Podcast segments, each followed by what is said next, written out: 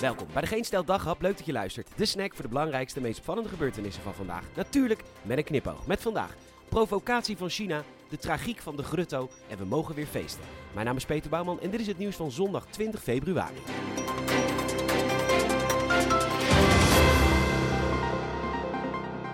Vreselijk wat er met Australië is gebeurd. Tenminste, als we hun minister van Defensie Dutton mogen geloven. Intimidatie door China. Nou, wat hebben ze dan gedaan? Met een oorlogsschip waarschuwingsschoten gelost op een Australische onderzeeboot. Zijn ze met straaljagers over Sydney gevlogen? Nou, nee. Volgens de NOS hebben ze met een laserstraal gericht op een Australisch militair vliegtuig. Zeg maar wat kinderen doen als ze een laserpen op de kermis hebben gewonnen. Dus de Chinezen zaten op een bootje. Pieuw, pieuw, pieuw, babi pang pang, pieuw, pieuw.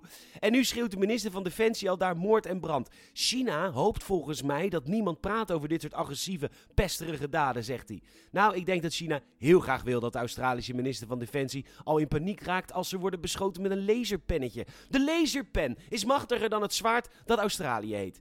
Van ja, zwaard. Vijf Belgen, drie Duitsers en een Nederlander zaten vast in een Belgische achtbaan. Geen mop, echt gebeurd gisteren. Wat ook geen grap is, dat ze daar 7 uur hebben moeten hangen omdat de ladder van de ladderwagen van de brandweer niet hoog genoeg kon komen. Dus in Plopsaland weten ze dat die achtbaan 32 meter hoog is. De Belgische brandweer weet dat die ladder tot maximaal 26 meter kan. Toch maar proberen. Toen moesten ze op zoek naar een kraan. Nou ja, na 7 uur waren ze bevrijd van de Ride of Happiness, de spectaculairste achtbaan van Europa. De grutto is onze nationale vogel en hij verblijft steeds langer in Nederland. Dat komt volgens weidevogelonderzoeker Jos Hoijmeijer van de Rijksuniversiteit Groningen, omdat er steeds minder tussenstops zijn tussen hier en Afrika, waar het beestje overwintert. In Spanje wordt bijvoorbeeld veel grondwater onttrokken door telers en grutto's, rupsjes nooit genoeg, hebben klaarblijkelijk water nodig. Dus blijven ze maar in Nederland. Maar dat is ook niet echt lekker voor die beesten. Want in Nederland hebben ze niet genoeg voedsel. En daarom is het aantal broedparen in 20 jaar al gedaald van 60.000 naar 30.000. Maar de belangrijkste vraag van dit alles is: waarom is in godsnaam de grutto onze nationale vogel? Hij is hier niet eens altijd. Hij wil hier eigenlijk helemaal niet zijn. Waarom dan?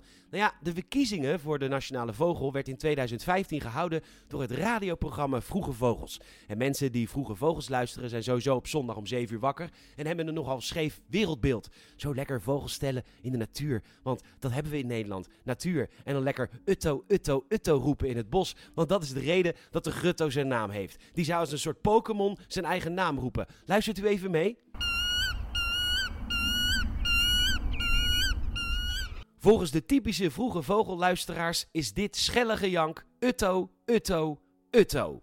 Laten we eens even eerlijk zijn. Onze nationale vogel is de smerige, stinkende, vieze, dikke dakduif. Die op stompjes, als een soort zombie, naast de bramladage waggelt, wachtend op een half afgekoud stukje patat oorlog. En dan probeert hij met zijn vatsige, dikke pens een boom in te vliegen. En dan breekt de tak af en dan valt het beest weer een stukje vleugel kapot. Dat is ons Nederland. Tenminste, in alle uren buiten zondagochtend tussen 7 en 10, als de meeste van ons als een dikke dakduif in ons bed liggen te stinken.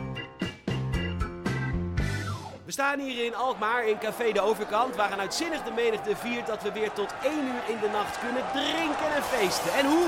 Oh, daar vliegt de eerste barkruk door de ramen en bier drinken we maar direct uit de tap, want er is geen glas meer heel. De kroegbaas moet de komende maand weer dicht om zijn tent te repareren, maar dat mag de pret niet drukken. Nederland is van het slot en dat mag gevierd worden. Nederland maakt de balans op van de Olympische Spelen en Trouw meldt dat meer Nederlandse vrouwen dan mannen succesvol zijn gebleken in deze editie. Dat is eigenlijk al zo sinds de Olympische Spelen van Rio de Janeiro. Nu hoeven vrouwen natuurlijk niet zo hard te gaan als mannen, of zo ver, en de spullen zijn wat lichter. Gefeliciteerd!